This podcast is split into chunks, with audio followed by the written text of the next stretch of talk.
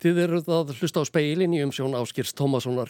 Í kvöld fjöllum við um að eftir styttingu framhaldsskóla og breytingu á námskrár er eh, kerfið orðið ógagsætt fyrir bæði nefendur og kennara. Gaggrinni vext á lagseldis fyrirtæki í Noregi og innanlandsmarkaður dregst saman. En fyrst hugum við að gangi mála fyrir botni miðjararhafs.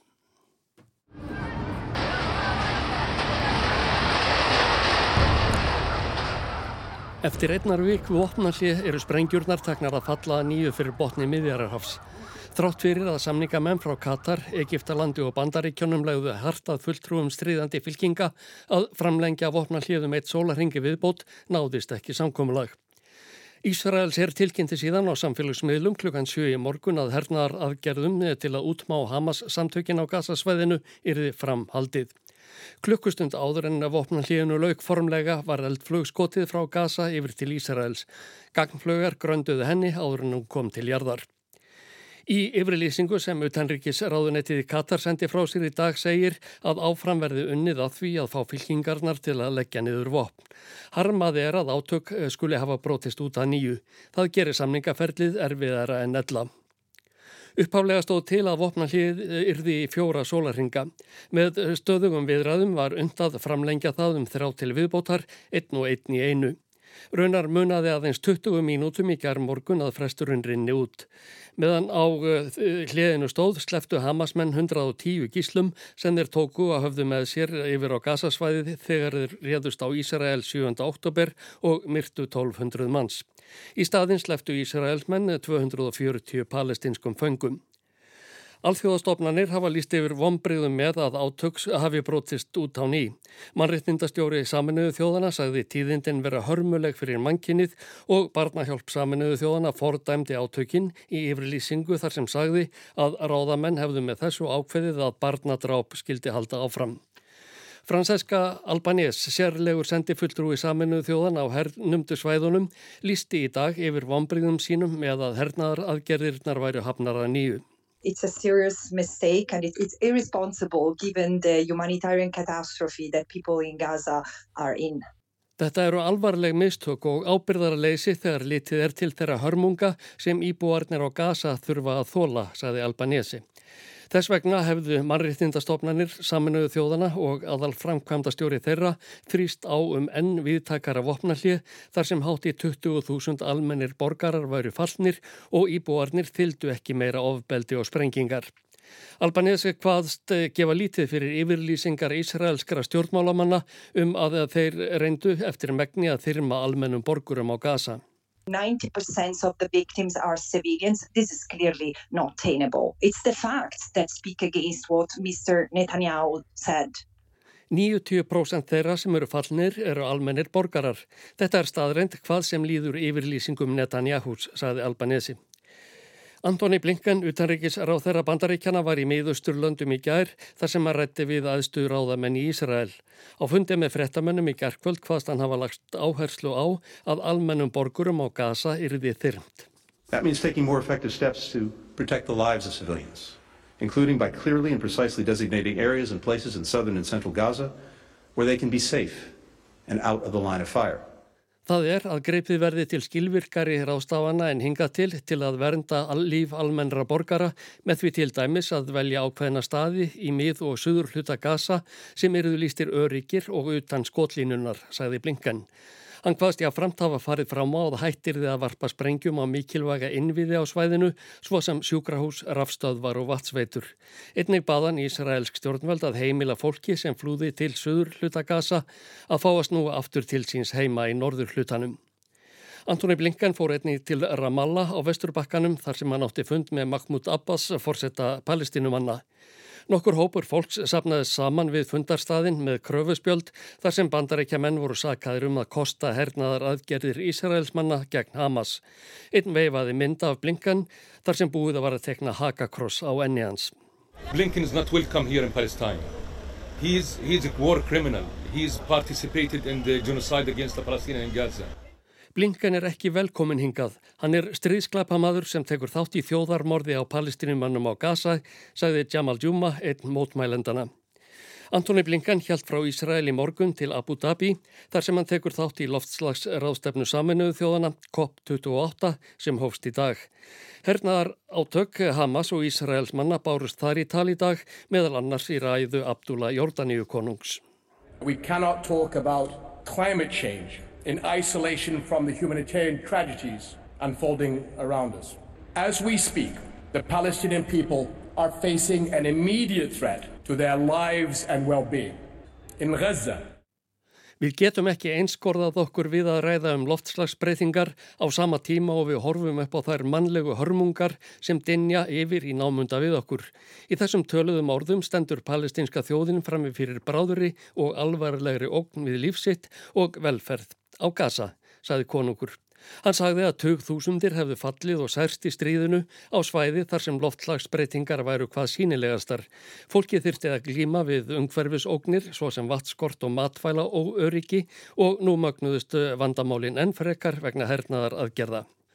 Franseska Albanesi segir að tími sé komin til að alþjóða samfélagi láti til sín taka vegna ástandsins fyrir botni miðjararhafs. I think that the international community should exercise true leadership in upholding international law. Ég tel að alþjóðasamfélagið eigi að taka afgerandi fóristu og sjá til þess að alþjóðalögum sé framfylgt, sað hún. Það væri báðum hinnum stríðandi fylkingum til hagspóta. Þetta kallar á að óháð fríðargæslulið verði sendt til Gaza, segir hún, því verði falið að afvopna vigamenn Hamas og sjá til þess að Ísraels herr hverfi þaðan á brott. Að sögn frettamanna sem fylgjast með átökunum frá Ísrael uh, hefur stöðugur sprengjugnýr kveði við á Gazasvæðinu í dag, engum í norður hlutanum. Að sögn heilbreyðisráðunettisins í Gaza höfðu síðdeis 109 manns fallið frá því að vopna hlið í morgun var rofið.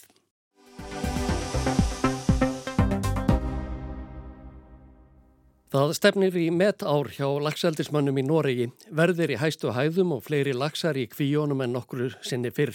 En eldisfyrirtækin sæta meiri gaggrinni en áður og innanlandsmarkaður í Noregi er fallandi. Landsmenn fúlsa við eigin framleiðslu og segja hana bæði illa útlýþandi og illa lyktandi. Hvað er að gerast? Gísli Kristjánsson. Eldi á lagsu og sílungi hefur alltaf verið umdilt en nú ega almannatenglar greinarinnar mjög í vökað verjast. Útflutningur fyrstu þrjá fjórðunga þessa árs slæru all með en samt leggur virðulegt dagblad eins og aftenposten til að þessir sömu almannatenglar finnir sér eitthvað annað að gera. Orðsbor greinarinnar er smátt og smátt að hverfa í lús og blæðandi sár á lagsinum. Þar kemur til að eldisfyrirtæki hafa reynd að selja sjódauðan lags. Þetta á til dæmis við um stórfyrirtæki Lerau Það sem réttilega var tekið fram að slíkt sé löglegt og hættulust. Einni hefur kaunumst legin og íllaliktandi lags verið sendur til Ísraels, þar lendir skiluðu sendinguna aftur sem óhæfri til manneldis. Blöð og sjónvarp byrta myndir af lagsi sem sjáanlega fyrir búið við erfitt uppeldi með opnum sárum og blóðhlöpnu róði. Þetta er alls ekki svo mynd sem talsmenn greinarinnar vilja haldaða fólki. Undanfærin ár hefur mikið verið gert úr árangri í baráttunni við lagsalúsina, minkandin vodkun á livjum og áherslu á velferð fram að slátrun en svo kemur þetta upp úr kvíunum. Það er ekki bara Björk Guðmundsdóttir sem sendir eldismönnum tónin, lag hennar gegn sjókvíja eldinu hefur vakkið aðtikli hér í Noregi. Fréttir fjölmiðla snúast nú æmer um gaggrína á greinina. Hagsmuna gæsla eldismanna hefur til þessa þótt ráðaferðinni en nú verða hagsmunaverðir þeirra að fara að herða sig. Laksa lobbyið er þekkt fyrir bæri hér í Noregi.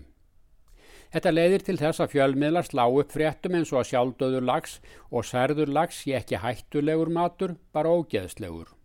Slíkar umsagnir auka ekki á vinsældir framleiðslunar. Lagseldisrisin Móvi sem einnig er áhrifa mikill í eldin á Íslandi, bað matvæli eftirlitið vinsamlegast að láta vita í tíma áður en að fulltrúar þeirra kæmi í óbóðaða heimsók. Þetta er líka tekið sem dæmum við þor fyrirtækjana til eftirlits. Móvi hefur einnig verið í fréttum vegna náina tengsla við fjölskyldu Ernu Solberg fyrir um fórsættisráðra og kaupa eigin manns hennar á hlutabrifum þar. Við þetta bætist svo að verð á lagsi er nú orði verulega hærri en á annari matvöru. Til þess er tekið að lagsin kostar núna fimsunum meira en hefðbundin jólastek hér í Norgi. Eldismenn kenna nýjum laxaskattu um, það er leigu fyrir aðganga sameinleir og auðlind þjóðarinnar í hafinu. Hagfræðingar segja slíku skattur sé réttlátur, en eldismenn hafa sendt neytendum skattin með því að hækka verðið. Þessi sömu neytendur hafa ekki tekið hækkuðu verði fagnandi. Þetta breytir þó ekki því að lagseldið er í miklum vexti. Innanlandsmarkaður er þrátt fyrir allt aðeins 5% af veldunni, 95% fara til útflutnings. Útflutningurinn skilar umtalsverðum tekjum. Stefnir í meir en 1000 miljardar eknaði íslenskum krónum á þessu ári. Þetta skýrist að hluta með fallandi gengi norsku krónunar sem skilar fleiri krónum í kassan en líka vexti í eldinu. Með ströndum Noregs er lagseldið mikilvægur atvinnuvegur allt frá vestuströndinni og norður á Finnmörku. Hlutur eldisins er umtalsverður í mörgum sjávarplásum. Talið er að alltaf 15.000 manns vinni á einni annan hátt við lags og sílung. Víða út um land tekur fólk fálega undir gaggríni borgarbúa á framleiðsluna sem á afskektum stöðum er oft undirstaða byggðarinnar. Þannig blandast deilur um lagseldið inn í hefðbundna tókstreitu millir dreifbílis og þéttbílis. Lagsin er gull á landsbyggðinni en lúsugur í borginni. Gísli Kristjánsson, okkar maður í Noregi, tók saman.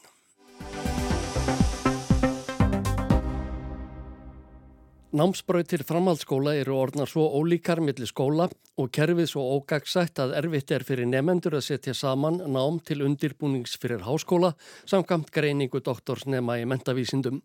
Nánast megi tala um krísu ástandi sumum deildum Háskóla Íslands hvernig eigi að bregðast við breyttum undirbúningi nefenda sem er að koma úr framhaldsskóla eftir stýttingu. Marja Jónastóttir, doktorsnemi á mentavísindasviði Háskóla Íslands, leiðbeinandi hennar Guðrun Ragnarstóttir og fleira samstagsfólk tóku viðtöl við 16 reynda háskólakennara og spurðu um upplifun þeirra af styttingu framhaldsskóla, hvernig nefnendur kemur undirbúnir á háskólarsteg.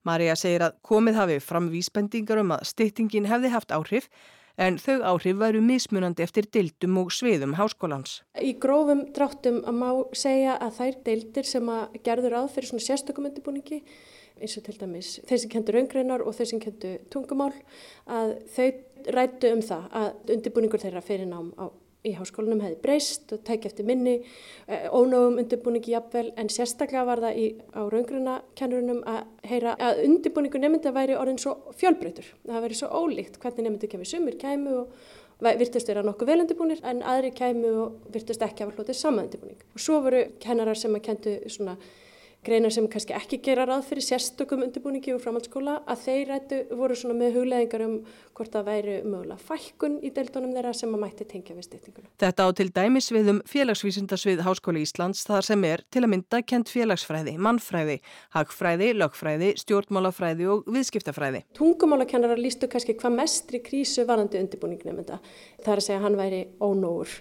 og tengdu það styrtingunni að hluta en raungreina kennara rættu um sko sérstaklega þetta að það væri, virtist vera svo ólíkt hvernig nefndur væri undirbúinir þegar þeir kæmi inn í háskólan. Þá eftir því bara úr hvaða skólum þeir kæmi? Já, þeir voru að hugsa það, já segir Marja og ítrekkar að þarna sé byggt á upplifun 16 reyndra kennara.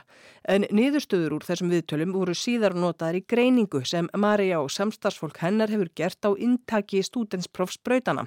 Þar að segja á úrvali náms á brautunum til að sjá hvernig þær og þar af leiðandi námið í framhandsskólum hefur breyst eftir steytingu. Þær hafa breyst talsvert en við erum að skoða þessi steytingu en hún var innleitna á sama tíma og það voru gerað mikla breytingar á lögum og, og aðnámskrá. Það er mjög erfitt að útiloka áhrif steytingarna algjörlega frá því samhengi, það er bara valla hægt. Þannig að við erum svona svolítið að horfa á það hvernig þessi steyting fór fram í því kerfi sem hún var innleiti í. Fyrri námskrá hafði verið svona mjög stíf, innhjalt mjög stífa reglur um það hvaða fög og hversu mikið af einingum skildi tilhera hverju fægi á hverju braut, mjög skýra kröfur um það hvað ætti að vera á hverju braut fyrir sig en aðnámskráin sem er nú í gildi að hún veitir skólunum og skólafólki mun meira sveirum og frelsi til að hanna einbreytir og nöðsilegt að taka það fram að það er ekki okkar skoðun að að fyrir námskrá að hún hafi verið svona gullin snið af námskrá og bara frábæru fullkominn, alls ekki. Námskráin sem nú í gildi er mjög, hefur marga kosti umfram hana og er bara mjög framsækin og, og veitir bara mörg mjög góð tækifæri til sköpunar í námskrárgerð og margt mjög gott um hann að segja. En hvaða áhrif hafði umgjörðin um námskrárgerðina og styttingin beint ofan í hanna á það sem kentir í framhaldsskólum, aðgang nefnda að sértækum og fjölbreyttum undirbúningi fyrir háskólanum. Það er það sem Marja hefur verið að skoða sérstaklega. Hún segir að mikil tími hafi farið í að kortleggja brautirnar í framhaldsskólanum. Þar sjáist skýr minnstur. Maður færi þessa spurningu hvernig fór þetta fram. Vi, við heldum, eða vonuðum kannski til að það er svolítið auðvöld að svara því að vera hægt að bera brautirna saman og sjá hvað hefði farið út og hvað hefði haldið stöðu sinni. En í rauninni sjáum við miklu frekar að styttingin hefur farið fram á ótal vegu í rauninni, á fjölbreytta vegu í mismunandi skólum. En við greindum tvö mjög skýr munstur samt sem áður að annars vegar verðist styttingin hefur verið útferð þannig að þetta hafi verið skorinir í frjálsu vali og jafnvel félagsvístum á náttúrufræðbröðum og einingar sem til er að fögum sem mynda sérgrein breytarinnar á náttúrufræðbreytum er það náttúrufræð og starfræði, þetta stýrðaval. Og félagsvístabreytum er það félagsvísti og, og, og stýrðavali. Að þar sem að frjálsavalið hafi verið minkað að þá hafi þessi fög haldið sér. Og öfugt. Á öðrum breytum virtist einingum sem til er að sérgreinum breytar hafa fækkað mjög mikið og í staðin fleiri einingum útlutað á frjálstval. Eh, þetta voru svona þau mynstur sem við sáum á náttúrfræðibrautum og félagsvístabrautum. Það er mjög áhugavert að sjá það í, á sumum brautum, það er mjög mikill munur í svona kannski íktustu dæmanum ef við tökum um dæmi um náttúrfræðibrautuna, hversu margar einingar nefndu taka í náttúrfræði og starffræði á milli brauta. Þannig að framhaldsskólanir eru orðnir miklu ólíkari heldur en þeir voru. Já, eh, hvað eh, uppbyggingu brautana var þar? Þetta var einhver munur á brautunum fyrir breytingar líka að sjálfsögðu en við gerum svona ráð fyrir því að að því að fyrirnámskrá var mjög svona stíf um það hvernig breytinnar ætti að líta út, hvað var þetta uppbyggingu, að þær eru orðan miklu fjölbreyttari hvað það varðar mm -hmm. í mhm. það minnsta. En svo var alveg svona sérniðist að hversu svona flókið kerfið er orðið og í raun ógagnsætt og svona vekur upp spurningar um það hvers auðvelt nefnendur eiga með það að rata í gegnum kerfið og setja saman nám sem að er síðan rýmar við háskólanum og aftur nöðsilegt að taka það fram að það er ekki mín skoðun og ekki skoðun okkar sem erum að vinna þessar rannsók að tilgangu framhaldsskólanáms eða námstitútespróf sé engungu að menta fyrir næsta skólastig, það er alls ekki svo. En það er samt sem aður okkar fókus í þessari rannsókn. Og við erum að sjá mjög ólíkar útferðslir. Marja segir að mjög hafi dreyið úr kennslu í erlendum tungumálum, öðrum en ennsku. Fyrir stýttingu hafi fleir en tveir þriðju framhaldsskóla á landinu bóðið upp á málabrautir en nú sé aðeins hægt að fara á málabraut í fimm framhaldsskólum á landinu og á þeim brautum hafi áhersla á tungumál líka minkað. Marja nefnir að búnar hafi verið til alþjóðabrautir og hugvísindabrautir en á þeim verðist vera meiri áhersla á félagsfræðigreinar en tungumál. En Þó það sé ekki eini tilgangur framhaldsskóla að undirbúa nefndur fyrir háskólanám, þá er það veiga mikill þáttur. Hvernig gengur háskólanum að takast á við að nefndur hafa aðra þekkingu en áður þegar þeir koma í háskóla og á sömum sviðum minni? Marja segir að það sé mísjæft eftir dildum háskólans, en kennarar í raungreinum og tungumálum sérstaklega hafi líst vanda vegna þessa. Þar var sinnstæðar svona Já, það mætti næstu í tala um ákveðu svona krísu ástand sem var uppið um það sko hvernig ætti að bregðast við breyttum undirbúningi og við höfðum það svona í huga þegar við fórum í námsbreytagreininguna sem við höfum verið að gera og þessi greining sem við höfum verið að vinna hún hefur tekið okkur mjög langan tíma og hún var mjög flókin að því að breytinir eru svo margar og svo fjölbreyttar og erfitt að bera þær saman. Maður veldir fyrir sér sko bæði þetta með nefndurnar, hvernig eiga þeir að geta borðið ábyrjaði að setja saman ám í þessu kerfi sem að gengur svo inn í háskólan og aftur hvernig háskólinn á að geta séða hvaða undirbúning nefndur hafa hlotið áður en þeir hefja nám af því að kerfið er orðið svo flókið og ógagnsætt. Þetta sagði Marja Jónastóttir Ragnhildur Torlasíus rætti við hana. Fleira er ekki í speklinum, tæknimaður var Mark Eldred. Hægt er að hlusta á speilin í spilara rúf og helstu hlaðavarp sveitum. Frettir verða næst sagðar í útvarpi klukkan tíu. Frettir eru uppfærðar á vef ríkisútvarpsins rúf.is allan sólaringin. Verðið sæl.